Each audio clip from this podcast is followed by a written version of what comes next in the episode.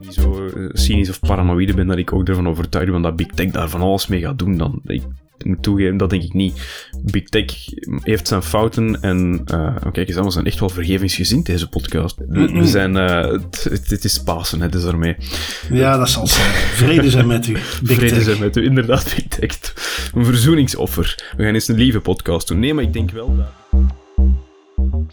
Hallo en welkom bij Das Privé, jouw wekelijkse privacy podcast. Iedere aflevering praten we je bij over het reilen en zeilen in de wereld van privacy. Digitale spionage, boetes, datalekken, nieuwe technologie, privacy tools, oftewel alles wat er in een week gebeurt in privacyland. Ik ben Bart van Buitenen en zoals altijd samen met Tim van Haren hebben wij het privacy nieuws van deze week gecureerd en eruit gehaald wat er echt toe doet. Wat nemen we dan deze week mee? Eindelijk kan de burger zelf ook flitsertje gaan spelen. Lekkere appjes sturen met de overheid wordt binnenkort mogelijk. En uh, onze handhavingsdiensten organiseren tegenwoordig ook al hackathons. Al noemen ze dit zelf een trackathon. Wat dat dan inhield, gaan we even bekijken. Verder hebben we nog een onderzoekje wat heeft gezien dat als je je mic mute in bepaalde teleconferencing apps, dat die toch gewoon blijft opnemen. We hebben wat privacy nieuws uit de oude doos. Google met een ongelooflijk stukje innovatie. Proton VPN heeft zich laten auditen. Dat en nog meer in Das Privé deze week. Eh, Tim, ik denk dat we er even tegen kunnen. Ja, we kunnen er weer tegenaan vliegen en het zal weer... Eh, we gaan ons best doen om het weer rond een uur te houden, but no promises. Inderdaad, na onze recordbrekende aflevering uh, vorige week. We trappen af met een um, artikeltje waar jij hebt meegenomen. Waar, als ik het goed heb meegekregen, uh, de burger ook lekker flitsertje kan gaan spelen. Ja, ja de, de burger toch in het Verenigd Koninkrijk kan binnenkort wandelende flitspel gaan spelen dankzij de Speedcam Everywhere app. Dat is een appje voorlopig nog exclusief beschikbaar op Android-telefoons, waar je voorbijrijdende auto's mee kan filmen die volgens jezelf dan als gebruiker te hard of te gevaarlijk aan het rijden zijn. Uh, wat die app dan vervolgens doet, die, die gebruikt de gedetecteerde nummerplaat van het voertuig Check die in een publieke registratiedatabase uh, van wat het type en model van het voertuig is dat gelinkt is aan die plaat, aan die nummerplaat. En bepaalt dan op automatische wijze de afstand tussen de assen van de auto en vergelijkt deze met het model van de auto in beeld, om op die manier de snelheid te berekenen. Ik moet toegeven, toen ik dat las, wist ik eigenlijk niet zo goed wat ze daarmee bedoelden, of hoe dat ze dat willen aanpakken. Mm. Maar wat dat ze het kunnen doen, ja, eh, zoveel te beter. Het idee is dat je dus daarmee mensen kunt vatten die te snel rijden of die gevaarlijk rijgedrag vertonen op de openbare weg. Als die app dan oordeelt dat die auto te snel rijdt volgens het algoritme, dan kan je die beelden opslaan op je toestel, op je gsm, en daar ook een rapportje over genereren om dan vervolgens via e-mail of zo te versturen naar de politie.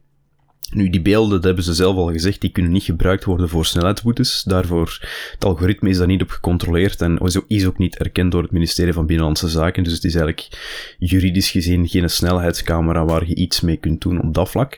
Wat je wel kan doen, is je kan de beelden die je opslaat wel gaan gebruiken om gevaarlijke rijgedrag te gaan vervolgen als autoriteit dan. Dus als je die beelden krijgt, dan kan je dat gaan gebruiken om bepaalde vaststellingen te doen rond gevaarlijk rijgedrag. Maar daar stel ik me dan meteen de vraag van, dan heb je eigenlijk geen commerciële app nodig die de snelheidsberekeningen doet, want uiteindelijk, als het over gevaarlijk rijgedrag gaat, gaat het vooral over de manier hoe dat die een auto zich op de weg bevindt en wat dat die doet en niet per se over de snelheid. Nu, ik vind dat een heel zorgwekkende ontwikkeling, zo'n app ik snap niet zo goed welk gat in de markt moet gaan vervullen, behalve mensen die dan uh, hun roeping hebben gevonden en agentje gaan spelen. Wat ik niet aan de gewone burgers zou overlaten, maar wel aan getrainde professionals.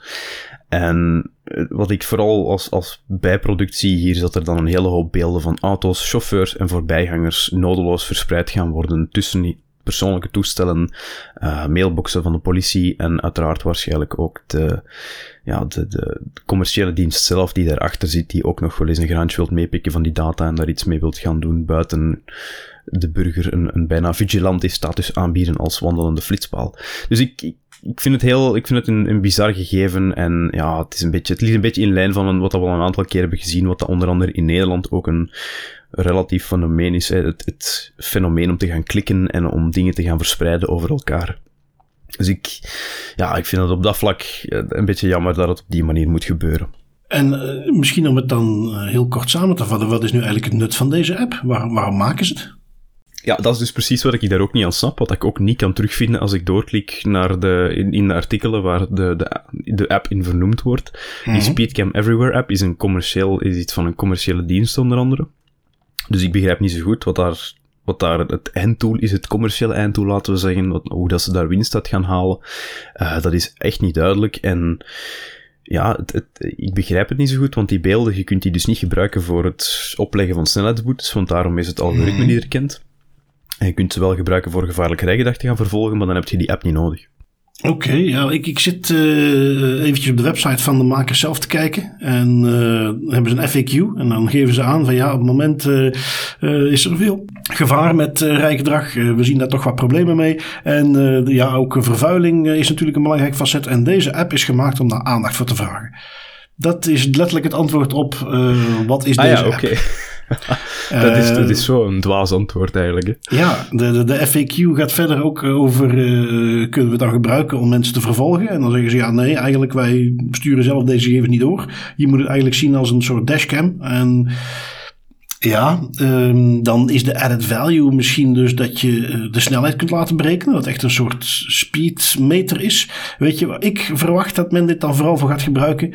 Uh, lui die tegen elkaar aan het racen zijn. En dan staat er eentje in de berm om te kijken hoe hard die gaat. Ja. Oh ja, Officieel dat zie ik nog wel gebeuren. Dat zie ik nog wel gebeuren. Dat ze dat gaan gebruiken als maatstaf.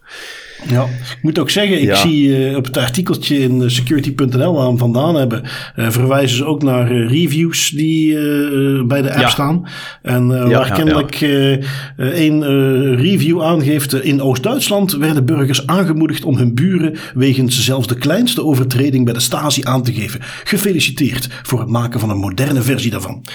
Dus ja, dat wordt goed ontvangen. Mooi, mooi verwoord. Maar dat is de essentie. Dat is uiteindelijk ook wat ik wil zeggen. Is het enige wat dat dit teweeg gaat brengen, is mensen die klikken, die denken dat ze, dat ze dan in hun recht zijn en die beelden gaan verspreiden. Naar de politie, maar mogelijk ook naar, naar, via andere kanalen. En het eindproduct is dan, dan gewoon, ja, mensen aanzet om, om de openbare weg te filmen en weggebruikers en chauffeurs. En dat is natuurlijk iets waar dat ik wel tegen ben voor obvious reasons, denk ik. Als dat geen grondig doel heeft, wat dat hier echt wel ontbreekt, hè, de gewoon aandacht wakkeren, aanwakkeren voor een bepaald onderwerp is tof, maar dat moet niet ten koste gaan van de privacy van mensen. Dat, dat is niet proportioneel. Ja, nou ja, kijk, het is dus uh, een keer wat anders dan uh, een, een, appje voor batterij. Of hoe doen ze het ook alweer iedere keer? Zo'n flashlight app. Daar halen ze vaak aan als het gaat over de klassiekers van privacy schendende appjes. Dit is dan iets nieuws. Ja, wie weet dat dit, uh, want zo gaat dat vaker, dat dit natuurlijk een uh, eerste versie is die vervolgens gebruikt gaat worden om ja, er meer mee te kunnen doen. Er zit ook een systeem in om credits te kopen, uh, lees ik op de website. Dus er zit ergens zit er een verdienmodel in. Um, even kijken wat ze zeggen. Why do we have to pay for credits? Well, processing the captures using AI is expensive. Speedcam Anywhere charges a small fee to cover, to cover this.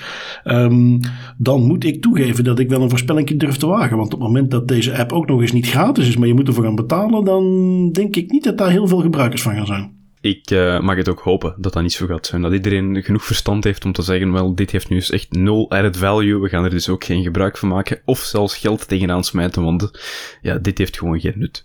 Inderdaad. En het is eh, privacy-invasief.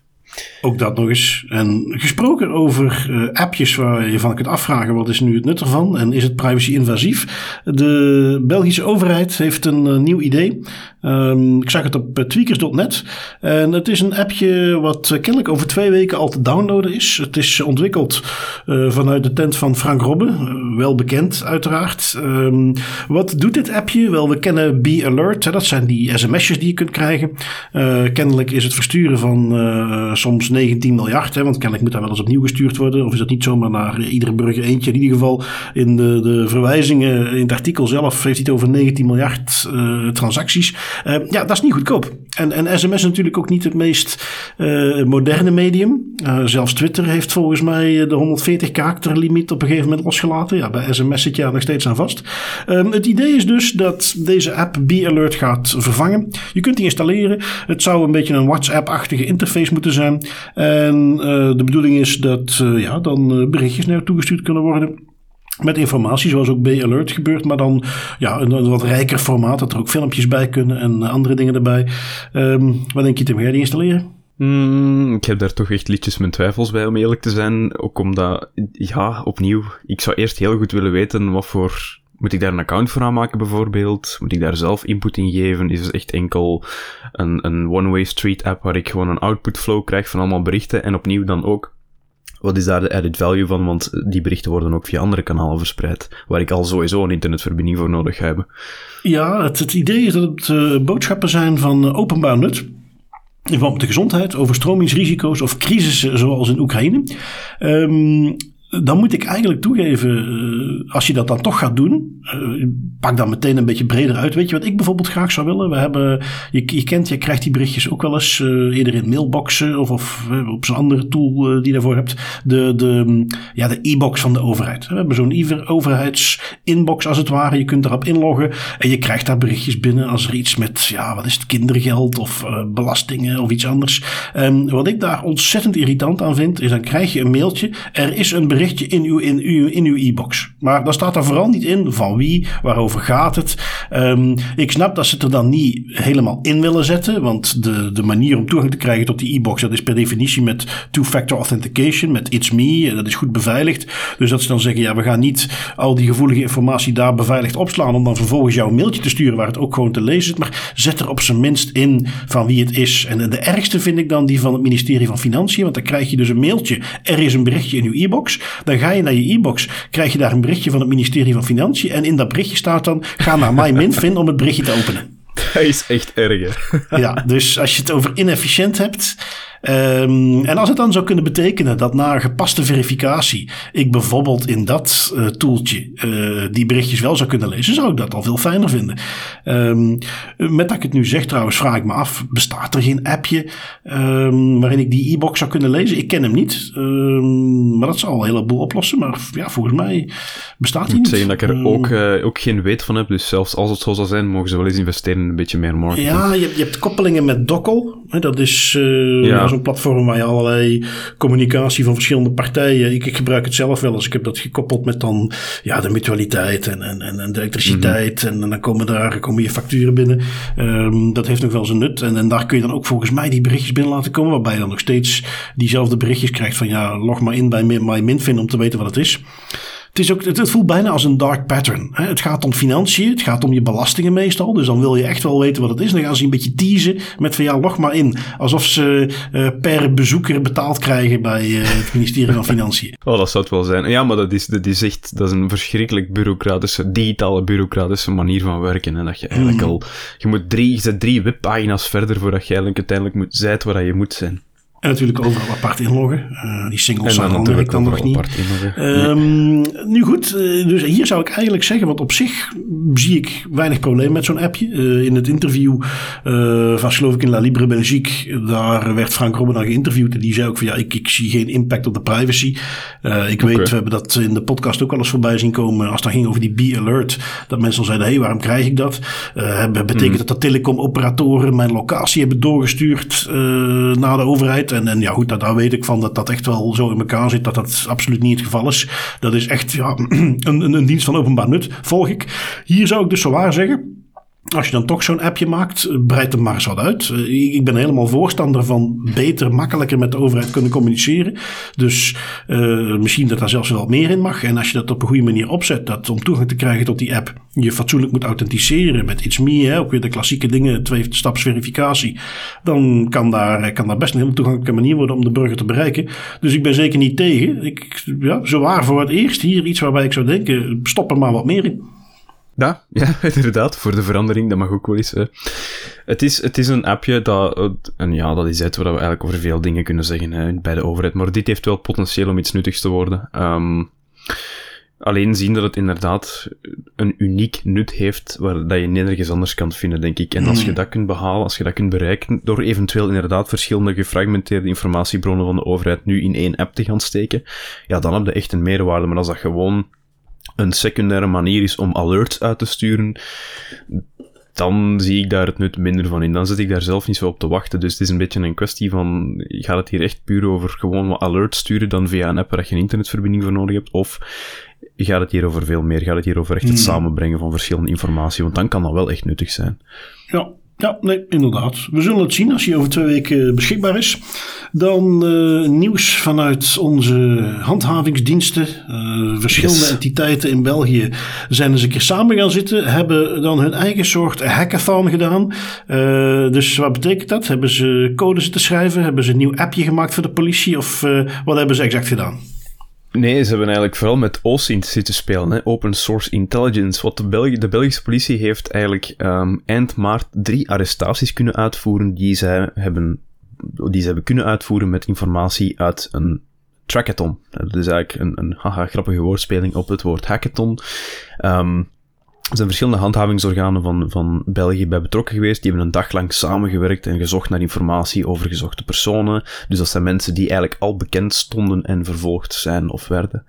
Uh, en daar werd dan voornamelijk gebruik gemaakt van OSINT via openbare bronnen, open source intelligence. Misschien, nu, open source uh, misschien intelligence om heel even kort mee te geven, want een hackathon, jij en ik weten misschien wat dat is. Uh, maar misschien een aantal luisteraars zijn die dat nooit hebben meegemaakt. Het, idee is een beetje, uh, zeker in, in, in tech-context, dan uh, breng je een aantal mensen bij elkaar, ontwikkelaars, mensen die een, een, dag, soms twee dagen samen in de ruimte gaan zitten en die gaan werken aan een product. Of er gaan meerdere groepjes, gaan samen, iedere voor, iedere voor hun groepje proberen iets uit te denken. Het idee is om in zo kort mogelijke tijd, door daar even heel intens aan te werken, een, een minimum viable product. Hè, dus een soort uh, een business idee uit te werken, daar een appje rond te maken. En proberen in zo'n redelijk korte tijd, maar door eens even heel intensief eraan te werken, iets uit de grond te stampen, een idee lekker uit te werken. En dan vervolgens de beste eruit te kiezen en daarmee door te gaan. Dat is, dat is een beetje het idee. We zien dat bij redelijk veel bedrijfjes, ook waar ik wel eens kom, doet men dat zo eens één keer per maand, om de paar maanden. Hackathon, zeker in die klassieke tech-omgevingen, pizza's en wat drankjes. En dan gaan ze daar eens lekker een hele avond los op uh, een appje of iets dergelijks. Dus dat is een beetje het idee. En dus dat is iets wat ze hebben proberen te repliceren in uh, de politiecontext. Ja, klopt, klopt volledig. Ik heb er ook al een aantal keer aan meegedaan van die hackathons. En dat is echt, dat is de, de, dat is de verpersoonlijking van de koppen bij elkaar en gewoon over één specifiek probleem is heel hard nadenken en proberen om zo snel mogelijk tot een oplossing te komen op een zo dynamisch mogelijke manier. En dat hebben ze dus ook gedaan bij de politie. Het, uh, het het centrale vraagstuk hier, het centraal, de centrale opdracht was hier van we hebben een lijst met 40 gezochte personen. Daar willen we zoveel mogelijk informatie over vinden via OSINT, via Open Source Intelligence. En mogelijk zelfs informatie die kan leiden tot een arrest. Daar hebben ze dus al drie arrestaties voor kunnen uitvoeren, dus dat is toch al wel iets. Um, en nu misschien ook nog even uitleggen wat dat OSINT, wat Open Source Intelligence eigenlijk inhoudt. Dat is eigenlijk niet meer en niet minder dan zoeken naar informatie uit publiek beschikbare bronnen, zoals social media, overheidsdatabanken, publieke rapporten, nieuws. Uh, soms zegt men zelfs dat, dat is een beetje betwistbaar, maar of dat datalekken, informatie uit datalekken, of dat dat ook onder OSINT kan vallen. Of dat dat dan rechtsgeldig bewijs is, dat is natuurlijk nog iets anders, maar wat, dat kan eronder vallen, want je kan het gewoon opzoeken voor mensen, voor luisteraars die nu zoiets hebben van, hm, tja, dat klinkt wel heel interessant, heb je daar een voorbeeld van? Um, de website Bellingcat, dat is een, een, heel een heel goed voorbeeld voor mij persoonlijk over wat dat een goede OSINT-groep eigenlijk inhoudt. Bellingcat kwam ook al vorige aflevering aan bod, toen we het hadden over de, het datalek bij Yandex Food, die Russische de food delivery service, waarbij dan onder andere informatie van FSB-agenten naar boven kwam drijven. Uh, dat was dankzij OSINT-onderzoek van Bellingcat dat men die namen kon uh, hoe moet ik het zeggen, ook dat men die namen kon linken aan een bepaald telefoonnummer dat toen gelekt werd. Dus dat is een manier om bijvoorbeeld heel veel informatie samen te gaan pakken en dan te gaan kijken wat daaruit kan komen. Het is uiteraard misschien ondertussen naar goede gewoonte van de federale politie of de politie-eenheden niet echt transparant over welke bronnen of tools dat het juist gaat, maar daar wordt ons wel verzekerd dat het om legale dataverzamelingen gaat. Dus we zullen ze maar op hun woord geloven. Het is een cool en innovatief idee, denk ik, zo'n trackathon of hackathon. Het, het, idee van we gaan dynamisch met elkaar aan de slag om een bepaald probleem heel snel te proberen oplossen. Uh, en daar kunnen we dan gebruik maken van bepaalde tools en technologieën. Maar opnieuw, het is ook ergens, en dat is dan weer al de, de privacy nerd in mij die een beetje aan de alarmbel trekt, dit is ook heel vatbaar voor cowboy-praktijken, lijkt mij.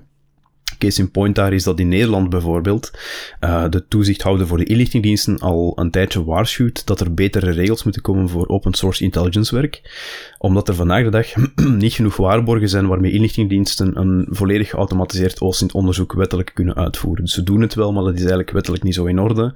En dat leidt dan tot een ernstige privacy-inbreuk dan dat dat eigenlijk zou mogen meebrengen. Hetzelfde argument kan je dus ook, denk ik, in België aanhalen dat is cool, dat is dynamisch en dat is tof dat er zo'n trackathon gebeurt. Maar als het aankomt op het gebruik van Austin tools en specifiek automa geautomatiseerde Austin tools, zijn er denk ik nog iets te weinig regels en te weinig transparantie op dat vlak. Dat is ook denk ik waar je de grens kan trekken. Dat is uh, hoe dat ik het ook bekijk vanuit een privacy perspectief. Gerichte open source intelligence werk is, heb ik echt heel weinig problemen mee voor, de, van een politie, want dat is gericht, dat is proportioneel, dat is ook over één persoon, vaak. Maar geautomatiseerde OSINT dan ga je met een veel bredere scope werken. Dan ga je bijvoorbeeld tegen een tool zeggen van zoek maar en slurp maar zoveel mogelijk data op dat relevant is voor ons en we zullen er wel uithalen wat dan nuttig is. En dan heb je veel bijvangst die eigenlijk niet meer proportioneel is voor het onderzoek. Dus heel cool idee. En ik denk met de juiste regels heeft dit ook heel veel potentieel om uh, een mooi stuk gereedschap te worden in de toolbox van handhavingsdiensten. Ja, ik, ik, moet zeggen dat mijn eerste reactie was toen ik dit hoorde, is van, goh, waarom is het iets speciaals? Waarom is dit niet de standaard manier hoe men op zoek gaat naar uh, ja, wat de, de zaken ook waren? Waarom is het iets wat ze nu zeggen van, goh, we gaan dus eenmalig eens met, allen, met z'n allen bij elkaar zitten. En boem, daar komen meteen drie uh, potentiële arrestaties uit. Uh, informatie die we eerst niet hadden. Um, ja, doe dat eens iedere maand. We gaan dat eens vaker doen. Dat, dat leek mij bijzonder nuttig. Um, ik, ik moet ook zeggen, ik heb geen berichten voorbij zien komen dat men daar met, met geautomatiseerd in Tools werkte. Dat is inderdaad waar de, inlicht, of waar de toezichtcommissie in Nederland het over had. Um, het risico zat hem daar ook in dat de tooltjes, de commerciële tools die ze daarvoor gebruiken, die het geautomatiseerd doen, die hangen er vaak ook extra databronnen bij. En je weet nooit waar komt die data vandaan. Dat kan net zo goed illegaal vergade data eh, van databrokers zijn. En uh, daar bleek uit het onderzoek toen dat daar ook helemaal niet naar gekeken was. Dus dat het risico echt wel heel pasbaar was.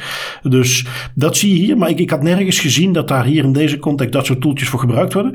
Um, ja, dan moet ik zelf zeggen, dan, dan heb ik niet zo moeite met dit. Vraag ik me alleen af waarom gebeurt dat niet vaker. En wat jij aanhaalde, moet ik zeggen, dat, dat is natuurlijk wel een terechte.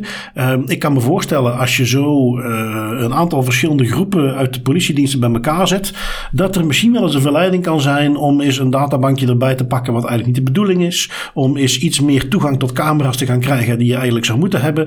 Um, om wat uh, dingen aan elkaar te gaan koppelen die niet aan elkaar gekoppeld mogen worden. Dus inderdaad een beetje cowboypraktijken, uh, daar is het risico er wel op. Dus ja, wat, ik, samenvattend zou ik het uh, poneren als dat mag wat mij betreft vaker gebeuren. Maar hopelijk is er inderdaad van tevoren een lijstje gemaakt van en dit zijn de regeltjes die we volgen als we zoiets doen. Ja, ja, en dat is ook meteen, uh, dat zou eigenlijk twee problemen meteen oplossen als je zegt van het mag vaker gebeuren. Dat, dat is absoluut waar, daar ga ik ook volledig in mee. En als je dat inderdaad vaker laat gebeuren, dan wordt dat ook minder vatbaar, of dan zou het minder vatbaar kunnen zijn voor cowboypraktijk, omdat je het dan ook effectief in lijnen, in goede lijnen, in goede banen kunt gaan, gaan uh, sturen. Ja, ja en de juiste regeltjes kunt, kunt gaan neerschrijven. Als dat iets eenmalig is of iets dat één keer per jaar of per twee jaar gebeurt, ja, dan heeft dat, heeft dat veel minder zin en dan kan je al sneller zeggen van, allee, kom, we zullen snel er eens een extra databankje bijpakken, want het is toch maar één keer dat we hier allemaal samen zitten. We moeten er het beste en het meeste uithalen. Als je dat structureler gaat doen, uh, ja, dan, dan kan je inderdaad meer binnen een bepaald kader gaan werken dat elke keer op dezelfde manier wordt toegepast. Ik zie hier een unicum, Tim. Dat is nu al twee dingen achter elkaar vanuit de overheid, politiediensten. Dat wij niet zeggen van oei, oei, oei, dat mag niet fout. Waar wij gewoon zeggen van nou, ga dat eens vaker doen. Ga dat eens uitbreiden. Doe dat is beter.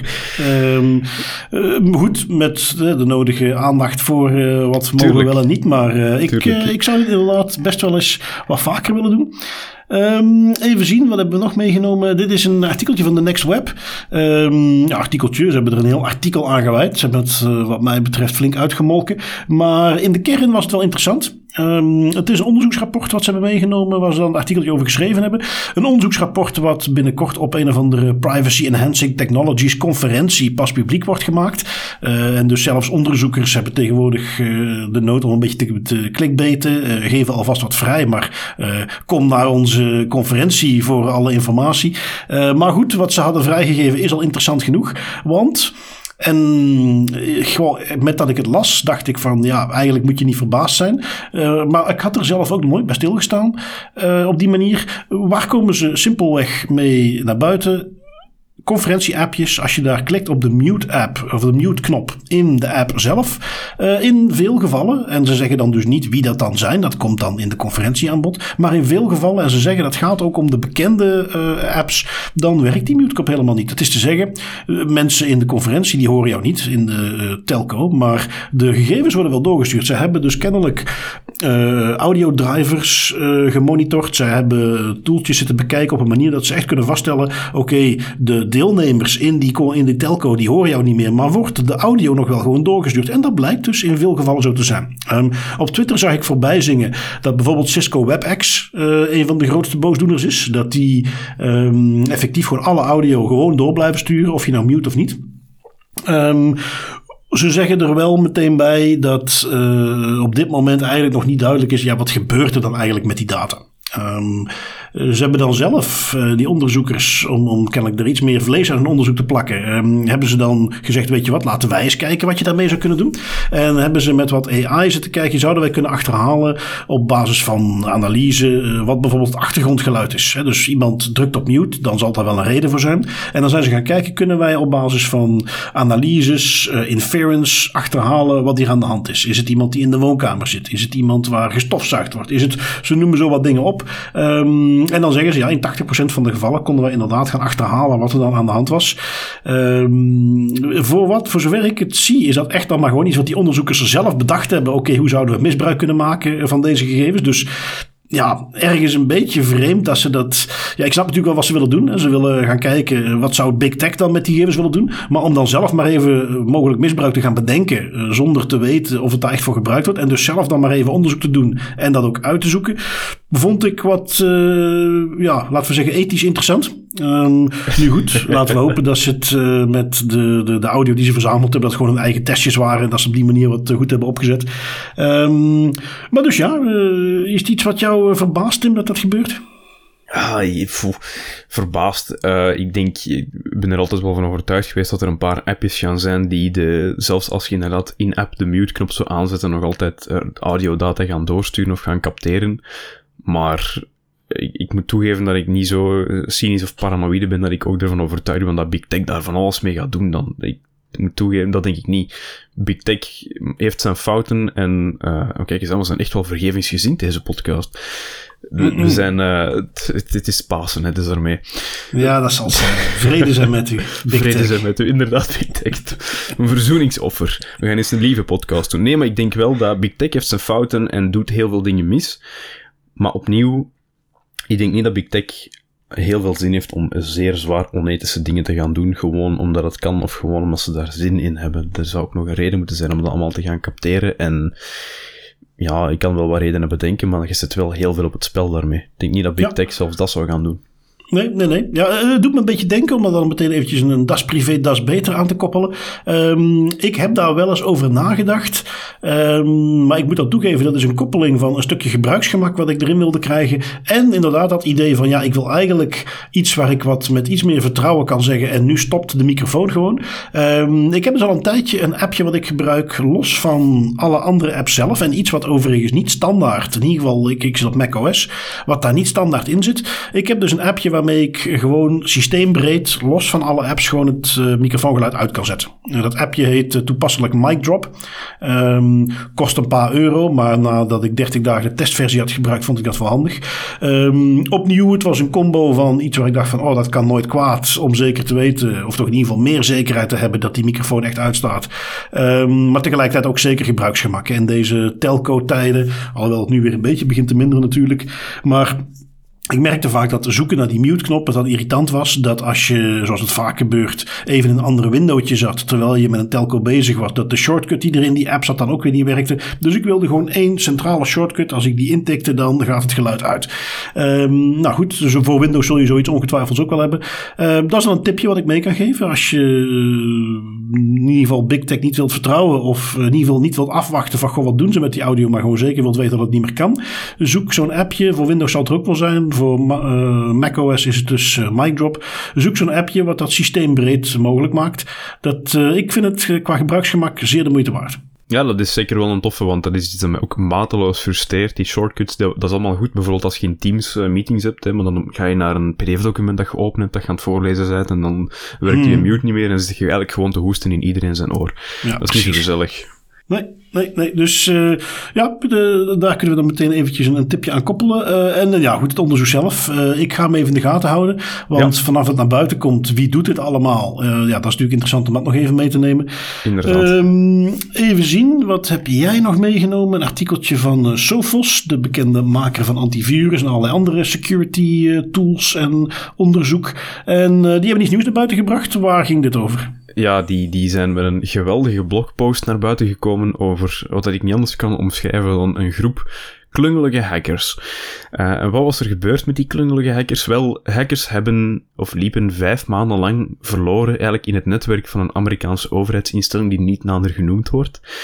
Um, wat ze eigenlijk deden was, zij, zij braken aanvankelijk binnen door gebruik te maken van een onbeveiligde remote desktop protocol account. Dat is eigenlijk een, een RDP-account, een, een accountje waar dat je van op afstand mee de muis en het keyboard en zo kan sturen en eigenlijk kan doen alsof je in die computer zit. Maar die had dus, dat was een accountje met beheerdersrechten, dus je hebt meteen heel veel macht over het netwerk en als je een behendige hacker bent, dan kan je daar heel veel mee gaan doen. Maar gelukkig voor die Amerikaanse overheidsinstelling was die groep hackers helemaal niet behendig. Ze wisten niet zo goed wat doen, eens dat ze in het netwerk zaten. Dus dan begonnen ze maar gewoon, dat hebben ze allemaal left softwares allemaal gezien in de logs, begonnen ze dan maar Google zoekopdrachten uit te voeren op servers van het slachtoffer, om op zoek te gaan naar hacking tools. Uh, in hun zoektocht naar hacking tools hebben ze het eigenlijk, eigenlijk ook voor elkaar gekregen om te klikken op pop-up advertenties, om dan ook illegale software te gaan downloaden, waardoor de server onbedoeld vol adware en malware kwam te zitten. Dus dat hebben ze dan ook nog eens bij. Normaal is het idee, daarom dat we het ook zo grappig vinden, normaal is het idee als je aan het hacken bent en je ergens binnen zit, dat je zo min mogelijk geluid wilt maken, bij wijze van spreken, dat je zo min mogelijk wilt opvallen. En deze jongens hebben echt niks anders gedaan dan aan elke alarmbel zitten trekken, tot als hun oren uitkwam. En dat geprut, dat ging dus maandenlang door tot um, ze gaandeweg, ze leren wel bij, gaandeweg leerden ze wel hoe dat ze over het netwerk konden manoeuvreren en hebben ze dan uiteindelijk crypto mining malware geïnstalleerd om een aantal bitcoins te kunnen rapen uit deze hele endeavor. Um, het ergste van al nog, want het feit dat die daar vijf maanden hebben zitten rond rotzooien en, en echt heel klungelig te werk zijn gegaan, is één ding. Wat het nog erger maakt, is dat die getroffen overheidsinstelling die hele vijf maanden helemaal niks door had. Dus dat is eigenlijk nog het ergste van al. Dat gaat hier niet over subtiele hackers, dat gaat hier over waarschijnlijk een aantal scriptkiddies die dachten dat ze even slim konden zijn en we cryptominers wilden installeren om wat bitcoins te krijgen. Maar stopt het verhaal hier? Nee, absoluut niet. Want in die periode van vijf maanden merkte Sophos in de logs op dat de werkwijze drastisch veranderde. Er waren dus kapers op de kust. Plotseling werd de, de aanval en de activiteit veel gerichter en geraffineerder. Dat waren helemaal niet meer de, de klungelige scriptkiddies, de klungelige hackers die wat probeerden om toch maar iets te doen in, met de toegang die ze hadden. Uh, maar dit waren meer echt pro's volgens Sophos. Dus de coinminer werd verwijderd, het eerder geklungel werd zo goed mogelijk weggemoffeld om, om alle sporen uit te wissen. Um, en de nieuwe aanvallers probeerden een antivirus te verwijderen, wat dan plots wel de aandacht trok van de IT-afdeling.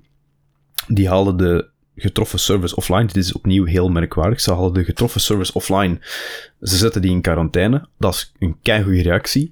Maar om de een of andere reden, om dat allemaal te kunnen doen, moesten ze ook een aantal security maatregelen uitschakelen op het netwerk. En dat hebben de aanvallers dan natuurlijk gretig gebruikt om een aantal gevoelige bestanden te stelen en uh, Lockbit ransomware te installeren. Dus waarschijnlijk, wat is er gebeurd? Long story short. Je hebt een groep hackers die absoluut niet weten wat ze doen. Die rommelen gewoon vier maanden lang rond in de, het netwerk van een Amerikaanse overheidsinstelling. Die komen plots een ransomware groep tegen die die ook als doelwit had uitgekozen. En die mannen hebben zoiets van, ja, dit kunnen we niet maken. Jullie moeten hieruit. En wij zorgen ervoor dat we jullie sporen zo goed mogelijk kunnen uitwissen, want anders dan worden wij ook gepakt. Happy ending, gelukkig. Uh, Sophos heeft het allemaal kunnen oplossen, daarom dat ze het ook meenemen als een blog. Ze hebben alles netjes kunnen opruimen, de ransomware kunnen herstellen, of de ransomware kunnen verwijderen eerder en de systemen kunnen herstellen met backups die er waren. Maar dit is echt, dit was een, een wild ride om door te lezen, omdat ik dacht, nu kan het niet erger en elke keer werd het erger. Ja, eh, misschien dat we het uh, ook verkeerd zien. Je, ziet, je hoort ook steeds vaker dat die grote hackgroeperingen zich steeds meer als bedrijven beginnen te gedragen. Met, met teams, met leidinggevenden, met managers. Dus misschien dat dit uh, de nieuwe junior hackers waren die een uh, doelwit kregen toegewezen. En uh, dat werd aangegeven, kijk jullie moeten binnen dan en dan iets bereikt hebben. En het lukte niet en ze gaan googlen en dan moeten we dit nu doen. En dan na een aantal maanden komen de, de bazen, de managers binnen de hackgroep komen vragen van en hoe is het? Tijd voor een review, hoe is het gegaan? Ja, nee, ja, sorry baas, niet gelukt. we hebben niks geïnstalleerd gekregen. En dan gaat hij zich ermee bemoeien. Dan zie je dat het professionaliseert, dat het ineens een stuk vooruit gaat. Um, ja, goed het puntje natuurlijk wat je aanhaalde in het begin, uh, dat dit allemaal kon uh, met de, het amateurisme dat ze tentoonspreiden en dat er eigenlijk nergens alarmbellen afgingen. Um, overheidsinstelling, kennelijk interessant genoeg dat ze er op deze manier maanden mee bezig zijn. Um, ja, dat had natuurlijk wel moeten. Hè. Je had ergens detectie moeten hebben, ja. logging, monitoring, uh, een SIEM tool, een, een ander toeltje wat ervoor zorgt dat als dit soort gedrag zich voordoet, dat het opvalt. dat is uiteindelijk iets wat ook niet super complex hoeft te zijn. Hè? Dat is iets wat je toch eigenlijk wel mag verwachten als ze dat uh, hebben tegenwoordig. Precies, zeker, zeker met het geklungel dat hier eigenlijk is uitgevoerd. Hè. Dit gaat niet over een, een uh, zeer stealthy aanpak waarbij men zo goed mogelijk probeert om al sporen uit te wissen en geen, geen uh, alarmbellen te laten afgaan. Dit gaat echt over een bende, ja, we zullen ze maar inderdaad hè, hackers-stagiaires noemen, die geprobeerd hebben om ergens binnen te geraken en dan waren ze binnen en dan wisten ze absoluut niet wat doen. Dus zijn ze eigenlijk gewoon van alles beginnen doen in de hoop dat iets ging werken. En dan ja, heb je servers die vol adware en malware steken, die dan plotseling uh, continu op volle toeren draaien omdat die hun bitcoins aan het minen zijn. Op een bepaald moment zou je dan inderdaad verwachten dat er ergens toch een IT'er daar zegt van uh, jongens, wat is dit hier? Waarom draait die server op volle toeren terwijl er eigenlijk geen internetverkeer is? Dat is een beetje raar, we gaan dat eens checken. En dan vier maanden lang. Hè.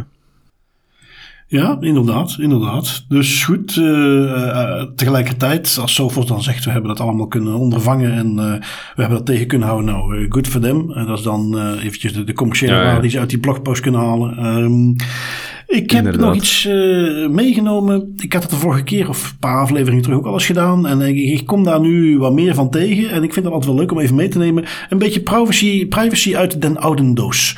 Um, een artikeltje van de New York Times, 1971. Dus voor de luisteraars, wanneer waren de voorlopers van de GDPR? Uh, kwamen die er een beetje aan? Had men de principes van gegevensbescherming, uh, dat men die een beetje op een rijtje had gezet? Dus het onderscheid maken tussen privacy, wat natuurlijk al, al veel langer bestaat als principe, maar dan vooral ook gegevensbescherming. Wat mogen we doen met die gegevens die daar dan wat over gaan? Um, 1981 zijn zo'n beetje de, de bekendste, wat ook nog steeds de basis is van de basisprincipes die we nu uit de GDPR kennen. Um, werden die eerste principes neergeschreven. Dus dat is tien jaar daarvoor speelt dit artikeltje zich af. Um, ook nog eens uit Amerika. En uh, ja, ik vond dat gewoon interessant om daar nog eens voorbij te zien komen. Dat eigenlijk veel van de dingen die wij nu ook wel eens zeggen, of waar wij het ook over hebben, um, dat dat op zich niet nieuw is. De, specifieke technologie is anders, maar de vragen die men zich stelt, die zijn niet anders. En dat vond ik interessant. Um, een paar voorbeeldjes. Men verwijst naar het feit dat de Zweedse politie eh, druk bezig is om dingen te digitaliseren en dus makkelijker doorzoekbaar te maken. Ja, uh, je kunt je het je voorstellen, destijds was alles nog bij wijze van spreken in een kaartenbak of in een fysiek dossier. Uh, als je dat ineens gaat digitaliseren, ja, stel je eens voor hoeveel makkelijker politie dossiers kan doorzoeken, hoeveel makkelijker ze kruisverwijzingen uh, kunnen gaan opstellen. Um, en dat is dan iets waar men dan vanuit privacyperspectief zei van, goh, interessant. Nou, denk even wat verderop. We hebben de vorige aflevering hadden we het erover dat in Europa de politiediensten bezig zijn om nog meer dan ze nu al doen, gegevens te gaan delen, zelfs gezichtsherkenning toe te gaan passen. Um, ja, een beetje dezelfde soort discussie.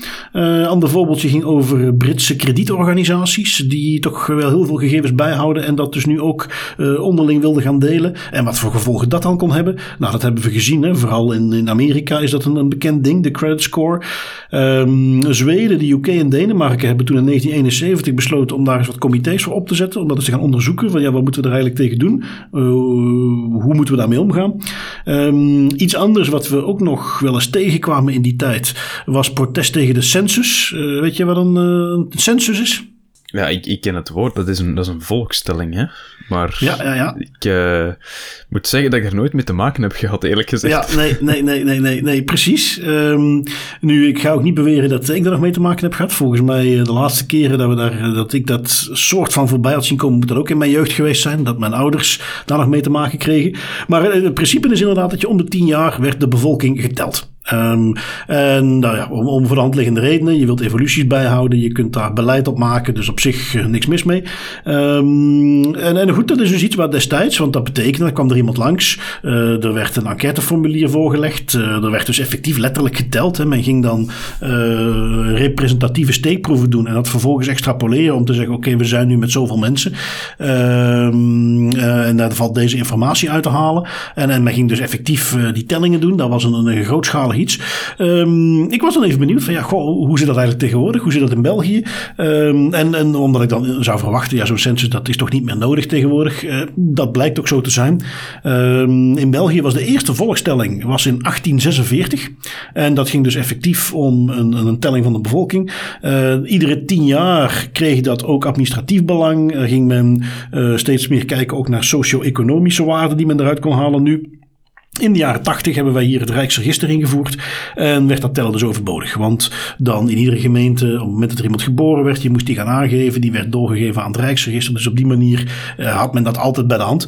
Um, maar is men dat wel uh, blijven gebruiken? Men is dat een beetje gaan aanpassen en dat werd een soort algemene socio-economische enquête die uh, in 2001 officieel voor het eerst kwam. En dat betekent dus nu, en dat is iets, ik heb daar wel alles vragenlijsten van voorbij zien komen. ook een keer een een, iets in de, in de bus gehad dat ze vroegen of ze op gesprek mogen komen. En eigenlijk, nu ik me daar zo eens nog eens over nadenk, volgens mij heb ik daar zelfs een keer aan meegedaan. 15 jaar geleden of zo. Uh, dat ze langskwamen en uh, dat ze wat vragen stelden. Ik denk, ik, ja, of, of misschien dat dat niet eens vrijwillig is. Goed, dat weet ik niet meer. Dus dat moet ik me even op de vlakte houden voor ik allerlei onzin ga verkopen. In ieder geval, uh, dat is dus nu meer een enquête geworden. En um, ja, in 2011 is men daar nog een stapje verder gegaan. Uh, en ik, ik herhaal even wat informatie die ik van de Stadbel heb gehaald. Daar hebben ze dat netjes gewoon gedocumenteerd. Uh, waarbij dus de klassieke enquête eh, vervangen werd. En men dus steeds meer gebruik ging maken van gegevens die al beschikbaar zijn in administratieve databanken. Um, gebeurt niet zomaar. Ze hebben daar een proefprojectje voor gelanceerd. Um, ze hebben het op zo'n manier willen doen. Ja, het is goedkoper. Er is geen last voor de burgers meer. Minder papier, et cetera, et cetera. Um, de kunst is dan natuurlijk wel. En ja, daar zegt men gewoon, we hebben dat gedaan. Om al die koppelingen en dingen te gaan doen op een manier dat dat geen inbreuk op mensen hun privacy is. En dan, ja, dan zeggen ze dus gewoon juridische en technische maatregelen zorgen ervoor dat we die privacy garanderen. Um, die resultaten worden dan opgeslagen, opgeslagen in een mooi data warehouse systeem, wat het dan weer makkelijker maakt om die gegevens te kunnen gaan gebruiken. En uh, ja, beleidsmakers, overheidsinstellingen, universiteiten, noem het maar op, die kunnen dan die censusgegevens gebruiken voor onderzoek.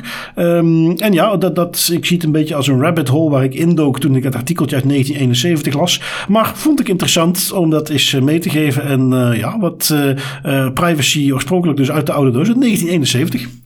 Dat is altijd een hele leuke om mee te pakken. De vorige keer was dat ook met die nieuwsartikels. En nu opnieuw dat je... Ja, je ziet thema's terugkomen. Hè? Elke keer opnieuw een beetje, ik zou zo zeggen, een, een gezonde wantrouwen in hoe overheidsinstanties en autoriteiten omgaan met gegevens, zij het dan op papier of digitaal um, organisaties, bijvoorbeeld die Britse kredietorganisaties, die te veel gegevens gaan, gaan verzamelen. Dat zijn, zijn allemaal thema's die, in ja, dat is grappig om daar eigenlijk mee geconfronteerd te worden, want soms dan kijk je daar niet zo diep en niet zo ver naar terug, naar de geschiedenis. Ik zal af en toe misschien eens meer moeten doen. Maar dat is grappig om te zien dat die thema's altijd terugkomen. Hè? Die, ja. Het wantrouwen naar de autoriteiten, de, het te veel verzamelen van gegevens, de zorgen daar rond, hè? nieuwe technologie ook, wat dan nog altijd iets is dat speelt vandaag de dag dat dat eigenlijk niet stilstaat. Dat is grappig. Ja, en dan vooral dat um, idee wat je nu ook vaak hoort van ja, mensen zijn allemaal zo gevoelig geworden en de privacy dit en dat en men moet allemaal niet zo zeuren. Vroeger lag niemand daar wakker van. Wel, uh, ja, dat is dus precies. dus niet zo. Dat hebben we ondertussen en ik ga dat af en toe eens vaker doen als ik zoiets voorbij zie komen. Um, dat is dus niet zo. En uh, sterker nog, er werden eigenlijk dezelfde vragen gesteld, al was de technologie anders, maar de, de uitdagingen die waren hetzelfde. En dat vind ik toch interessant om dat eens te benadrukken. En wat nog maar eens meegeeft, dat uh, net zoals dat wij, Ministry of Privacy, Bits of Freedom, noem maar op, allerlei organisaties organisaties ermee bezig zijn, ja, dat is niet voor niks. Want kennelijk is het dus iets wat decennia na decennium komt dit terug. Uh, en is het iets waar dus blijvend aandacht voor nodig is. Laten we het daar maar op halen, houden. Ik wil niet gaan zeggen strijd. Maar uh, het is kennelijk iets waar uh, steeds opnieuw men tegenaan beukt. En waar steeds opnieuw het nodig is om daar tegengas tegen te geven. Um, en dus ja, opnieuw iets wat we dus, ja, wat is ondertussen al bijna meer dan 50 jaar geleden ook al terug zagen komen. Um, Springen we even door naar wat recenter nieuws. We hadden het de voorbije weken, hebben we ook al eens een keer aangehaald, dat men in Nederland bezig is om de wetgeving rond de inlichtingendienst te herzien. En je hebt een artikeltje meegenomen van het NRC, dat nu ook het officiële toezichtsorgaan daar zijn licht op heeft laten schijnen. Ja, inderdaad. Dus die nieuwe Nederlandse inlichtingenwet, de tijdelijke inlichtingenwet moet ik eigenlijk correct zeggen, uh, die gaat meer en bredere bevoegdheden toekennen aan de IVD en de MIVD, de twee Nederlandse inlichtingendiensten. En uh, we hebben daar nu, want dat was, dat was eigenlijk nog niet zo heel duidelijk, nu hebben we daar iets meer duidelijkheid over, over wat het er nu eigenlijk allemaal gaat veranderen concreet, en hebben we ook de opinie van de toezichtscommissie mee. Nu, misschien kort nog even uh, een recap van wat het er eigenlijk allemaal verandert in die tijdelijke wetgeving. Kort gezegd, de IVD en de MIVD mogen binnenkort meer gaan doen. Het eerste puntje is, er is een, de, de bevoegdheid de, de bevoegdheden die ze nu hebben, die kunnen heel snel uitgebreid worden zonder een voorafgaande toets door een zogenaamd bijschrijvenmechanisme. En een praktisch voorbeeld daarvan is bijvoorbeeld een telefoontap, het aftappen van iemand zijn telefonische gesprekken. Nu, vandaag de dag is het zo dat ze enkel toestellen kunnen aftappen die exclusief gebruikt worden door een doelwit, bijvoorbeeld een hacker. Maar als men dan binnenkort vaststelt dat die hacker ook is binnengedrongen in apparaten van andere burgers, die niet betrokken zijn bij die zijn activiteiten, um, dan mag de IVD en de MVD, dan mogen die dus ook die telefoons van de burgers gaan aftappen als dat noodzakelijk is voor een onderzoek zonder voorafgaande toets. Nu was het nog zo dat als ze dat, als ze dat willen doen, dat zij een andere nieuwe voorafgaande toets moeten doen om een nieuw toestel af te tappen. Binnenkort is dat niet meer zo. Dus je kan eigenlijk je scope van je onderzoek gaan uitbreiden op een veel flexibelere en dynamische manier. Wat dat heel veel zaken met zich meebrengt natuurlijk. Het tweede puntje dat eigenlijk verandert dat belangrijk is, dat noemenswaardig is, is uh, de toetsing van de technische risico's van een hack, die vervalt in de nieuwe wet. Dus bijvoorbeeld een, een, technisch, een voorbeeld van zo'n technisch risico is het gebruik van een heel zware zero-day en onontdekt kwetsbaarheid of een lek in een bepaald systeem. Uh, en die moet je natuurlijk heel goed bewaken, die zero days, want ja, stel dat die lekken of stel dat die ontdekt worden door je doelwit, dan kunnen die ook als een boomerang in uw gezicht terugkomen. En dan kunnen die ook tegen u gebruikt worden. Bijvoorbeeld door andere inlichtingendiensten. Die zijn allemaal gretig op zoek naar zero days en die proberen dat allemaal zo'n beetje voor hun eigen te houden. Want dat zijn zeer krachtige dingen. Het derde puntje, uh, wat dat ook, dat is denk ik een hele grote, het, het internetverkeer van en naar Nederland en het verkeer van streamingdiensten, dat gaat niet meer gespaard worden. Tot voor kort was dat nog wel het geval. Nu in de nieuwe tijdelijke wet wordt dat meegenomen in scope van de activiteiten van de AIVD en MIVD, dus ze kunnen eigenlijk ook um, op, op Nederlands grondgebied, maar dan digitaal, het internetverkeer, kunnen ze ook actief gaan zijn.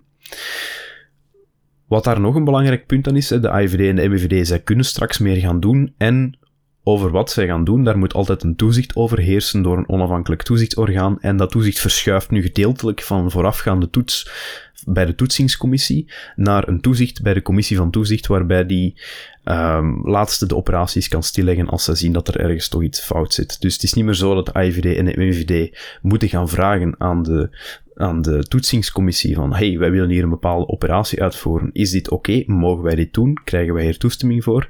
Nu gaat er een shift gebeuren naar we gaan het doen en jullie moeten het maar controleren en als er iets fout is, dan mag je het stilleggen, maar we gaan er alvast mee beginnen. Dat is eigenlijk hoe je het gemakkelijk kan zien. De toetsingscommissie, degene waar dat dus eigenlijk een stukje van, de, van, de, van het overzicht van weggeschoven wordt, ja, die heeft er natuurlijk op gereageerd.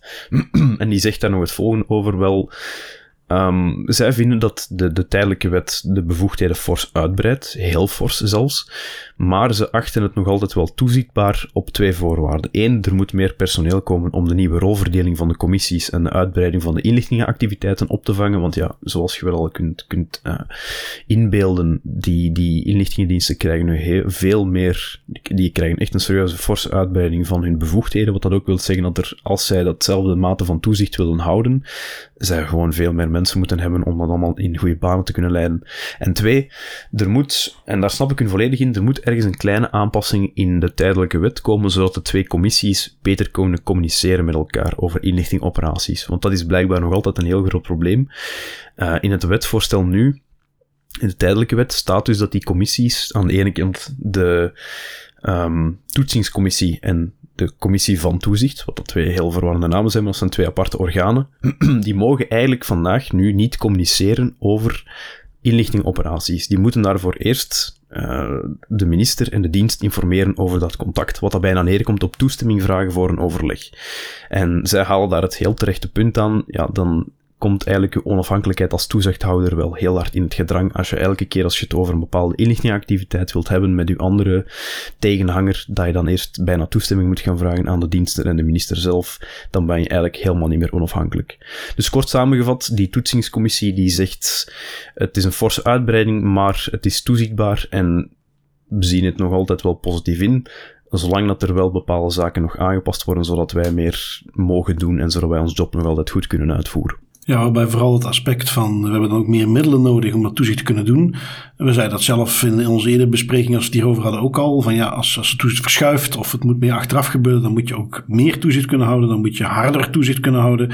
Um, ja, het zal dan weer even de grote vraag zijn: gaan ze die middelen ook krijgen? Want als die vervolgens niet krijgen en deze wet komt er zo door, ja, dan zijn we eigenlijk weer terug bij af. Dan, dan kan er meer en is er de facto minder toezicht met alle risico's van dien. Um, en inderdaad, dat aspectje. Ik heb daar een, een hele interessante podcast. Uh, we hebben het al vaak genoemd. Cyberhelden. Uh, daar was in de laatste aflevering was er iemand die uh, daar heel erg nauw bij betrokken was. En, en wat ik daar interessant aan vond, ook om eens te horen, want wat die daar aangaf, is wat wij in de podcast ook al eens aanhaalden. Och ja, goed, die verschuiving. Uh, misschien wel meer toezicht achteraf uh, of, of tijdens, omdat men niet sneller moet kunnen schakelen. Ja, dat, dat klinkt logisch, moet kunnen. Uh, maar die gaf dus ook aan van ja, eigenlijk dat bestond nu ook al. Dat, dat kon al. Natuurlijk hadden wij iets voorzien dat in bepaalde noodsituaties je sneller kon schakelen. Dus dat is, dat is niet nieuw. En, en dat was eigenlijk iemand die meer van de mening was van ja, een aantal van die herzieningen die, die waren helemaal niet nodig. En, en ik zie daar een bepaald risico in. We hadden dat terug moeten schroeven. En die belangrijkste die hij ook aangaf was van ja, we hebben nu al twee commissies die zich daarmee bezighouden. Um, uh, we hebben nu alles regelmatig informeel overleg. We hebben contact met elkaar. Um, in dat wetsvoorstel wordt dat inderdaad nu ja, aan banden gelegd om de een of andere reden. Um, wat de mogelijkheden om, om, snel te kunnen schakelen ook weer beperkt voor die toetsingscommissies. Dus ja, leek me een, een, logisch gevolg. Om, of in ieder geval de logische opmerkingen die ze daar geformuleerd hebben. waarbij je ook hier nog eens ziet dat, ze daarom niet per se aan de rem gaan hangen en zeggen van het kan niet en, en, en let op en, en dat moeten we allemaal niet willen. Maar gewoon aangeven van goed, we kunnen dat doen, maar dan moeten wel deze dingen gebeuren. En dan hoop ik dat dat ook effectief uh, op die manier doorgevoerd wordt. Ja, dat is het. Het, is, het, is, zou maar logisch zijn als je inderdaad de inlichtingdiensten meer bevoegdheden gaat geven en dus ook ervoor zorgt dat zij de facto meer activiteiten gaan kunnen uitvoeren, dat dan ook de, de, de opvangst van die, de, dat de toezichtscommissies daar ook de nodige middelen voor krijgen om dat allemaal op te vangen. Hè? Want anders dan, ja, dan bypast je die gewoon met een workload die ze niet kunnen volgen. Nee, precies.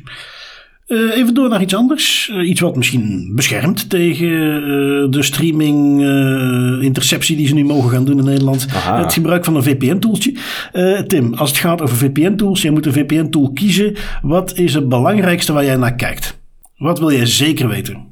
ja, ik wil, ik wil eigenlijk het liefst van al dat die geen logging activiteit, dat die geen logging van mijn activiteiten bijhouden. Hè? Want het hele idee van een, van een VPN is natuurlijk dat je mijn activiteiten niet kan traceren tot bij mij. Ja, absoluut. Dat zou ik ook zeggen. Uh, naast misschien dat ik ook graag wil dat de manier hoe ik ervoor kan betalen. of de manier hoe ze dat registreren, mijn account, dat dat ook zo anoniem mogelijk is.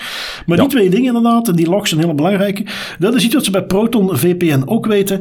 Um, die hebben onderzoek laten doen. Uh, Proton VPN heeft zich laten auditen door een externe partij. En die externe partij heeft nu, uh, ja, zeg het maar, gecertificeerd dat Proton VPN effectief geen logs bijhoudt. nu, ik weet dat jij de Proton-diensten wel eh, kunt smaken. Eh, ik weet niet of jij de Proton yes, VPN yes. wel eens gebruikt en of jij hier nu heel blij mee bent. Uh, ik gebruik Proton VPN bijna dagelijks, dus ik ben zeer blij om te horen dat ze effectief externe audits laten uitvoeren. Ik heb het auditrapport zelf nog niet gezien, nu Proton kennende. Um, de meeste van die auditrapporten publiceren ze wel in een of andere vorm, zij het door de externe organisatie of zij het dat ze er zelf eens doorgaan. Maar meestal komt dat wel in een of andere blogpost naar boven, zeker als het positief is, wat dat hier wel het geval is, denk ik. Dus Misschien dat we dat ooit eens kunnen meenemen. Ja, eh, het is iets waar ze um, een soort, uh, ja, hoe moet ik het noemen, executive summary hebben gepubliceerd. Um, waar ik wat mee blijft zitten. En, en ook het rapport zelf is, is ja, dat is redelijk kort. Eh, als je ook de, eh, de voorpagina en de inhoudstabel en de change history waar ze een hele pagina voor erbij pakken. En dan een pagina met een titel. Als we dat eventjes skippen, dan hebben we het dus eigenlijk gewoon over vier pagina's die ze gepubliceerd hebben. Nog niet. Drie pagina's met wat tekst. Dus ja, daar blijf ik wel op mijn honger zitten. En zelfs al was dat niet zo. En dan laat ik even voor de duidelijkheid stellen. Ik, ik ben fan van Proton. Ik geloof meteen dat ze het ook doen. Het enige wat ik in vraag wil stellen is van ja, hoeveel toegevoegde waarde heeft zo'n rapportje nu eigenlijk? Want ik kan alles laten auditen. Uh, ik kan uh, bij wijze van spreken uh, hier iemand langs laten komen die gaat certificeren dat wij geen logs bijhouden van de mensen die onze podcast bekijken op de website. Maar wie zegt dat op het stukje wat ik ze heb laten zien, dat ik niet ergens anders dat repliceer, dat doorstuur. Um, tenzij ze, uh, ja nee, zelfs al zouden ze heel de technische infrastructuur van Proton hebben bekeken. Het is maar een kwestie van een switch om te zetten. En na de audit, mensen die vervolgens een VPN aanzetten, komen op een andere server terecht, waar toch hele andere instellingen staan. Um, ik, ja, ik, ik vind het goed dat ze het doen. En ik snap publicitair, marketing technisch dat dit belangrijk is. Maar ik weet niet zeker of ik overtuigd ben van of dit nu echt heel veel waarde heeft. Stel dat zij bijvoorbeeld uh, een aanklacht hadden. Of dat ze uh, qua reputatie bekend staan als iemand die wel loggen. Ja, dan zou dit auditrapport mij niet overtuigen dat ze het niet doen. Laat ik het zo zeggen. Nee, precies, dat is het. het is, en daarom dat ik ook nog een klein beetje wacht, want ik had die executive summary ook gezien. En daarmee ik, ik hoop dat Proton nog altijd gewoon een, een breder rapport naar buiten brengt, waar dan iets meer in detail wordt gegaan over hoe dat een audit eigenlijk is gebeurd. En, en uh, welke scope dat, dat was. Dan hebben we tenminste al een zicht op hoe het is uitgevoerd. Maar inderdaad, dan nog, zo'n audit kan je echt heel gericht laten uitvoeren. En we hebben het geluk dat het hier over Proton gaat. Ik uh, vertrouw Proton met heel veel omdat ik ook zie hoe, dat die, hoe dat die te werk gaan als het komt, aankomt op bijvoorbeeld gerechtelijke bevelen dat zij krijgen om bepaalde gegevens te gaan loggen of bepaalde gegevens toch te gaan overhandigen. Daar doen ze altijd zo meer dan hun best om ervoor te zorgen dat het niet tot dat punt komt. Um, en ja, dit is, dit is inderdaad misschien meer een, een marketingtechnisch stuntje. Wat dat ze af en toe ook wel eens nodig hebben, denk ik. Want er is nog altijd een hele grote misvatting. Uh, en ik denk dat die voor een groot deel voortkomt uit, ah, wat was het, een paar jaar terug waarbij dat er een Franse activist gebruik maakte van ProtonMail en de politie die data had opgevraagd, de metadata mm. bij Proton. En dan heeft, heeft Proton dat ook effectief gegeven en dan was er een heel gedoe rond, ja, gaat Proton dus nu ook gegevens en logs bijhouden van Proton VPN? Gelukkig kon Proton redelijk snel zeggen van ja, die vindt dat gewoon zijn Proton VPN niet aanstaan. Dus daarom hebben ze ook bepaalde metadata kunnen terugvinden. Had hij zijn Proton VPN aangezet, dan was er geen probleem. Dan hadden ze die ook zijn, zijn IP-adres nooit kunnen terugvinden. Waarbij je je wel moet afvragen, want dat is wat daar ook gebeurde. Stel dat ProtonMail van de Zwitserse autoriteiten, of Proton VPN dan, hè, wie weet hebben ze juridisch gescheiden, maar in ieder geval dat die een bevel krijgen. Vanaf nu ga jij van die gebruiker wel logs bijhouden. Ja, dan denk ik dat het rap ophoudt. Um, wat ik ook, eh, want ik heb dan het rapportje wat er dan wel gepubliceerd is, even doorgekeken. Om ook even te zien van ja, hoe hebben ze dat dan geprobeerd vast te stellen? Hoe hebben ze dat in die audit gedaan? En ja, dat is op zich niet, niet per se slecht, maar gewoon de manier die je mag verwachten. Ze zijn dus gaan kijken naar de configuratiefiles. En ze hebben dan dus gezien van ja, is logging eh, geactiveerd op die configuratiefiles? Wel, we hebben de, de, de logging op het OS operating systeem bekeken. We hebben die configuratiefiles bekeken. En wij als Securitum, heten ze dan geloof ik, wij garanderen dat inderdaad op de logging of de configuratiefase die wij gezien hebben, logging gedeactiveerd stond. Ja, en, en opnieuw, hè, letterlijk nog geen dag later kan het dan iemand een switch omzetten en is logging wel geactiveerd. Dus, nou, uh, beter dan het niet doen, zal ik dan maar zeggen. Um, maar, de meerwaarde is, is, relatief miniem. Het is beperkt, het is beperkt inderdaad. Um, even zien, wat hebben we nog van nieuwsberichtjes? Uh, Google heeft een, ja, een geweldig stukje innovatie doorgevoerd. Tim, je hebt hem meegenomen. Wat gaat Google doen om onze privacy te verbeteren? Ja, ze gaan iets doen dat nog geen enkele website heeft gedaan, waar nog niemand in privacyland aan heeft gedacht. Zij gaan een Reject All Cookies knop inbouwen in hun cookie banner. Eindelijk. Hè? Denk, ze zijn denk ik een van de allerlaatsten dat ermee afkomt. Zeker ook in Big Tech Land. Zelfs Facebook heeft al zo'n knop ingebouwd ondertussen. Uh, waarmee dat je dus met één klik al hun cookies kan weigeren. Je kent dat wel als je Chrome of een andere, liefst geen Chrome, maar pakt men een andere browser opent en je gaat naar Google, dan heb je zo'n heel venster dat je te zien krijgt waar je dan ook nog eens naar beneden moet scrollen. En ja, dat is, dat is echt verschrikkelijk. Dan heb je daar twee knoppen. Ene zegt ik ga akkoord, ik laat alles binnenkomen. En de andere zegt ik ga mijn cookiekeuze aanpassen. En dan zet je drie submenus verder voordat je effectief je toestemming niet geeft om geen cookies te gaan plaatsen. Dik te laat, maar ja, kijk.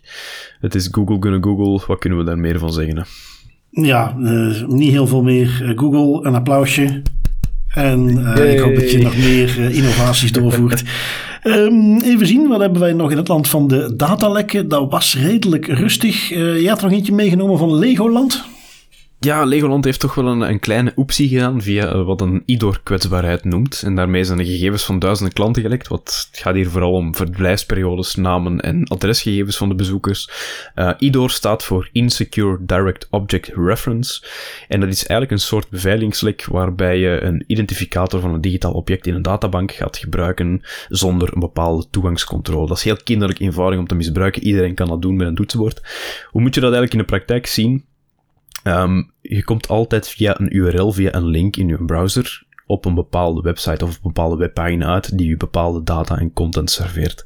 Zo ook als je bijvoorbeeld een eigen reservering van Legoland wilt bekijken op hun website, dan krijg jij dat via een bepaalde URL te zien in je browser. En in die URL zit eigenlijk uw unieke identifier. Een versimpeld voorbeeld is uh, mylogin.legolandholidays.de slash document slash 100.001. Die 100.001, dat is uw nummerke waarmee de databank weet van, ah ja, die informatie moeten we nu tonen in de browser. Nu, bij zo'n IDOR-kwetsbaarheid kan je heel gemakkelijk andere mensen hun gegevens gaan bekijken door dat laatste nummerken in uw URL aan te passen. Van die 100.001 maak je bijvoorbeeld 200.001 en dan krijg je de gegevens, de, res de, reservering te zien van een ander gezin.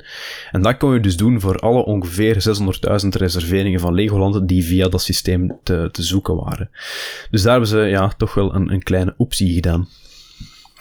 Ja, we zullen zien of dat een eh, staartje krijgt en een boete. Want dat zie je tegenwoordig steeds meer. Dat naar aanleiding van een datalek men vervolgens ook een boete krijgt op het moment dat je het gemeld hebt. En dan zijn we bij onze autoriteiten. You will respect my authority.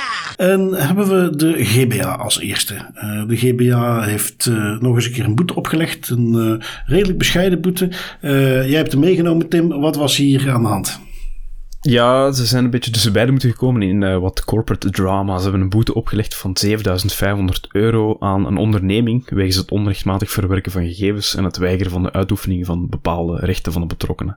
Wat was er eigenlijk gebeurd in dat corporate drama? Er was een directeur van een bedrijf, uh, die had ontslag genomen, die had de data van zijn werklaptop verwijderd alvorens de laptop te overhandigen aan het bedrijf. En volgens de directeur die ontslag had genomen zelf, ging het om privégegevens zoals zijn persoonlijke e-mail-inbox waar dat bedrijf niks mee te maken had.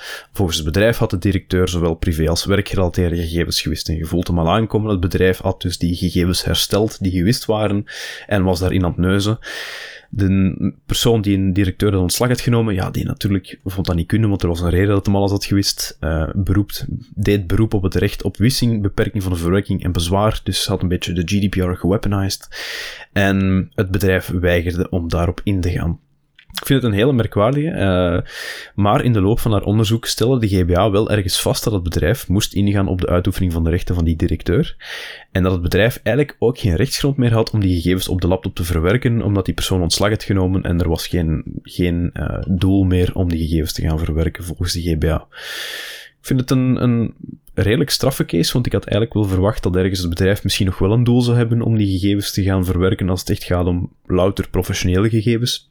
Dat zien we soms terugkomen. Hè. Als iemand ontslag neemt, dat je dan nog wel in de mailbox bepaalde zaken kan gaan doen, mits controle van de DPO erbij of zo. Dus ja, toch 7500 euro dat ze eraan hebben overgehouden. Ja, zo vreemd vind ik hem niet hoor. Jij krijgt een laptop leeg terug, ben je daar blij mee? Dat kan zijn. Maar dat je dan vervolgens die gaat restoren, zelf uh, maatregelen gaat nemen om die data terug te krijgen. Waarbij je dus heel duidelijk weet, ja, de medewerker heeft hier besloten, dat wil ik niet, dat je dat doet. En dan mag dat dus ook niet. Um, ja, dat, dat, dat, verwacht ik dat vanwege de omvang van het bedrijf uh, de boete redelijk laag uitvalt. Maar dit, is, dit gaat echt ver. Uh, ik heb ook wel eens bij bedrijven waar ik vertrok, ja, die mailbox die je van mij terugkrijgt die is leeg. Uh, ik heb mijn zaakjes netjes afgewikkeld. Er staat een mooie out of office. Gelieve mijn collega's te contacteren voor nieuwe zaken. En dan heb je voor de rest niks meer te maken met wat ik de laatste jaren heb zitten mailen. Want daar zitten gegarandeerd privégegevens bij. Dus, dus dan op de een of andere manier dat terug gaan halen. Nou, dat vond ik uh, een leuke case. Maar ik moet zeggen dat ik het uh, in die zin een, een, open deur vond dat de GBA uh, zei van ja, die verwerking had uh, nooit plaats mogen vinden. Um, de Deense autoriteit hebben ook een uitspraak gedaan. Vond ik interessant, gewoon om die even kort mee te nemen, omdat ja, we kijken vaak naar gezichtsherkenningssystemen. Um, dit was een, een fysiopraktijk die dat ging toepassen. En die het voor eh, klanten en werknemers eh, ging invoeren. En uh, dit is iets waar de autoriteit uiteindelijk, om het lang verhaal kort te maken, concludeerde van nou, dat dat kan. Op het moment dat het op duidelijk op basis van toestemming is, dan moet dat kunnen. Die toestemming moet je wel heel nadrukkelijk kunnen aantonen dat die er is.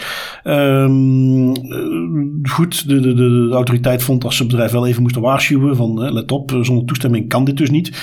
Um, en wat men nog eens benadrukt is, als je dit doet, ga je wel ook altijd een alternatief moeten voorzien. Uh, om ervoor te zorgen dat het echt een vrije toestemming is, ga je in de vorm van sleutels of badges in ieder geval een manier moeten voorzien hoe iemand toegang kan krijgen zonder biometrische gegevens af te staan. En ook heel nadrukkelijk ervoor moeten zorgen dat op het moment dat iemand dus voor die gezichtsherkenningscamera komt, dat hij eerst op een knop moet duwen voordat dat geactiveerd wordt. Dat het dus niet zo is dat iedereen die er voorbij loopt standaard het gezicht wordt geanalyseerd en dan alleen maar voor de mensen van wie er een, een template is opgeslagen de deur open gaat. Nee, je moet eerst op een knop duwen om ervoor te zorgen dat dan pas die gezichtsherkenning actief wordt. Waarbij je meteen ook weer dan ziet van ja, wat is dan nog het grote verschil met uh, een badge of een ander systeem. Goed, je, hoeft, je kunt die niet vergeten. Uh, dus misschien, ja, daar, zit een, een, praktisch voordeel aan. Maar op deze manier zorgen ervoor, kijk, als iemand zelf, klant, vastbesloten is, jullie mogen mijn gezicht hebben, dat vind ik fijn. Nou ja, goed, wie, zijn wij dan om ze tegen te houden? Maar er moet dus altijd een alternatief zijn. dat vond ik nog een, een hele nuttige. Um, we hebben dan om ons rondje autoriteiten af te sluiten, hebben we de autoriteit persoonsgegevens nog eens, de AP. Die uh, kwamen met een, een, leuke boete. Uh, om precies te zijn, de hoogste boete die zij ooit hebben opgelegd. 3,7 miljoen. Um, ja, de, de, de, inhoud op zich is niet, is niet spannend. In die zin, we hebben het daar al heel vaak over gehad in de podcast. We kennen de toeslagenaffaire in Nederland. Waar men door foute verwerkingen, door databases aan elkaar te knopen op een manier die nooit had mogen gebeuren. Besloot dat een heleboel mensen allemaal fraudeurs waren. Die moesten geld terugbetalen. Ze hebben echt letterlijk, daar overdrijven we niks mee, 10.000 duizenden levens geruineerd.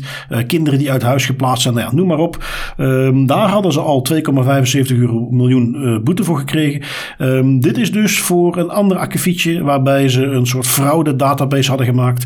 Die dus niet uh, op zich gekoppeld was aan een toeslagenaffaire, maar hetzelfde eigenlijk een beetje inhield. Weer een database, weer allerlei signalen gaan beheren, op basis daarvan conclusies trekken. En ook dit was volkomen onrechtmatig. En daar hebben ze nu een boete van 3,7 miljoen voor gekregen.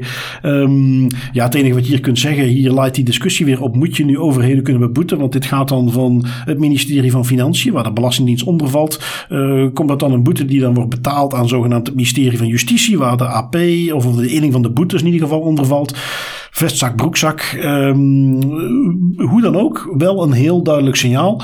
En ergens natuurlijk uh, ja, in en in triest vanuit de Nederlandse Belastingdienst. Ik, hoop dat we dit nu niet roepen om vervolgens over een half jaar te horen wat de Belgische Belastingdienst of de Vlaamse Belastingdienst allemaal doet. Maar uh, toch verwacht ik dit dan niet meteen. Uh, daar zijn ze behoorlijk over de schreef gegaan. Ja, inderdaad. Dat is iets dat absoluut niet kan. En toch weer in het... Dat is, al, dat is echt een bijna een obsessie aan het worden, denk ik, van, van de Nederlandse belastingdienst. Die, die fraudebestijging. En ik snap ook waar dat vandaan komt. Hè. Je moet dat op een bepaald, tot een bepaalde mate willen gaan doen. Maar als je dan ziet met, met inderdaad wat voor een levens dat ze soms spelen, die ze dan vervolgens ruïneren om toch maar angstvallig iets meer fraude te gaan bestrijden, ja, dan denk het... ik van de kost die je ermee maakt is groter dan de, de winst absoluut, dat je er zo uit Absoluut, absoluut. Het, het leed wat ze hebben berokkend door zogenaamd fraude op te willen sporen. Ja. En de cijfers heb ik zeker niet paraat, maar je vraagt je af in hoeverre na ook nog eens dit soort boetes en alle rechtszaken die erover gevoerd zijn, de schadevergoedingen die ze nog gaan moeten betalen, want ja. daar gaat het nog niet eens over, dan denk ik dat zelfs het eventuele bedrag wat je er aan fraude uh, hebt uitgehaald, meteen weer kwijt is. Dus nee, uh, schandelijk. En uh, ja, dat daar de hoogste boete ooit voor is uitgekeerd, uitgekeerd, opgelegd. Ja, niet meer dan terecht. Um, goed, dat betekent dat wij, uh, ja, zoals ondertussen gebruikelijk, dan toch weer iets te veel rondgepraat hebben, Tim. We zitten weer ruim over het uur. Maar goed. Um, Blij dat ik geen beloftes heb gemaakt aan het begin van deze podcast. Inderdaad. um, privacy pointers. Ik ging, uh, ja, eentje herhalen die ik eigenlijk al in de podcast zelf net heb genoemd. Namelijk, ga eens kijken naar een apart appje, waarmee je dus los van de tools die je gebruikt, specifiek gewoon kunt zeggen, nu systeembreed, ik mute de microfoon. Um, mic drop is dus degene die ik heb meegenomen, of die ik gebruik. Voor Windows zal er ook eentje zijn. Um, om dan niet een hele cop-out te doen, heb ik toch ook nog een andere meegenomen. Uh, bibliogram.art. Um, is een beetje een. Uh, ja, ik heb het al wel eens gemerkt als ik dan ergens op Instagram iets wil, wil bekijken. omdat iemand iets gepost heeft. Ik heb geen Instagram, ik hoef geen Instagram. Heel soms verwijst iemand naar iets wat daarop staat. En dat wil ik dan wel kunnen zien, maar dat kan niet als je geen account hebt. Wel, bibliogram.art maakt dat wel mogelijk. Dan geef je gewoon de URL in of het profiel. En dan kun je dat bekijken. Uh, want dan, dan, dan faken ze het een beetje. Want zoekmachines kunnen die inhoud ook doorzoeken. Dus op die manier kun je dan toch nog de informatie op Instagram bekijken. Ook al heb je geen profiel. Dat is dan nog even mijn tweede privacy pointer deze week. Um, wat heb jij meegenomen? Ik heb nog eens een boek meegenomen van Neil Richards en dat heet Why Privacy Matters. En dan legt je eigenlijk uit wat privacy is, wat het ook niet is, wat ik altijd wat ik wel een hele leuke vind. En het analyseert um, eigenlijk doorheen heel het boek de vier kernwaarden die privacy beschermt binnen een maatschappij. Identiteit, vrijheid, bescherming en vertrouwen. En onderstreept ook nog eens waarom dat deze waarden eigenlijk wel zo noodzakelijk zijn voor een gezonde samenleving. En eigenlijk iets wat we ook al hebben aangehaald in deze podcast. Waarom het eigenlijk niks nieuws is. Waarom het iets is waar we decennia geleden ook al mee aan het spelen waren met dat idee. Dat dat iets eigen is aan, aan mensen en onze maatschappij. Dus echt een heel cool en leuk boek. Um, voor iedereen die gewoon eens geïnteresseerd is in het onderwerp privacy en wat dat dan nu eigenlijk inhoudt. Want het kan soms wel eens een vloekbegrip zijn. Ja, ja, ja. En uh, is het een dikke pil of nog redelijk toegankelijk? Het is redelijk toegankelijk. Het is, het is niet de dikste pil. Het, is, uh, het valt nog goed mee. Oké. Okay, ik heb wel dikkere boeken gehad. Uh, nou, uh, het waren dan uh, twee hele interessante privacy pointers. En dat betekent dat wij het weer gehad hebben voor deze week, Tim. Um, yes. Ja, kijk, luisteraars, op het moment dat je zegt, jongens, langer dan een uur, dat trekken we echt niet. Daar haak ik op af. Laat het even weten. Zeg je van wel, het blijft interessant. Dan gewoon blijven luisteren. En dat mag je ook laten weten. En dan dank ik jullie weer voor je tijd en aandacht. En dan hoop ik dat jullie volgende week weer luisteren. Tim, jou ook bedankt. Zoals altijd met heel veel plezier. En tot volgende week. Tot volgende week.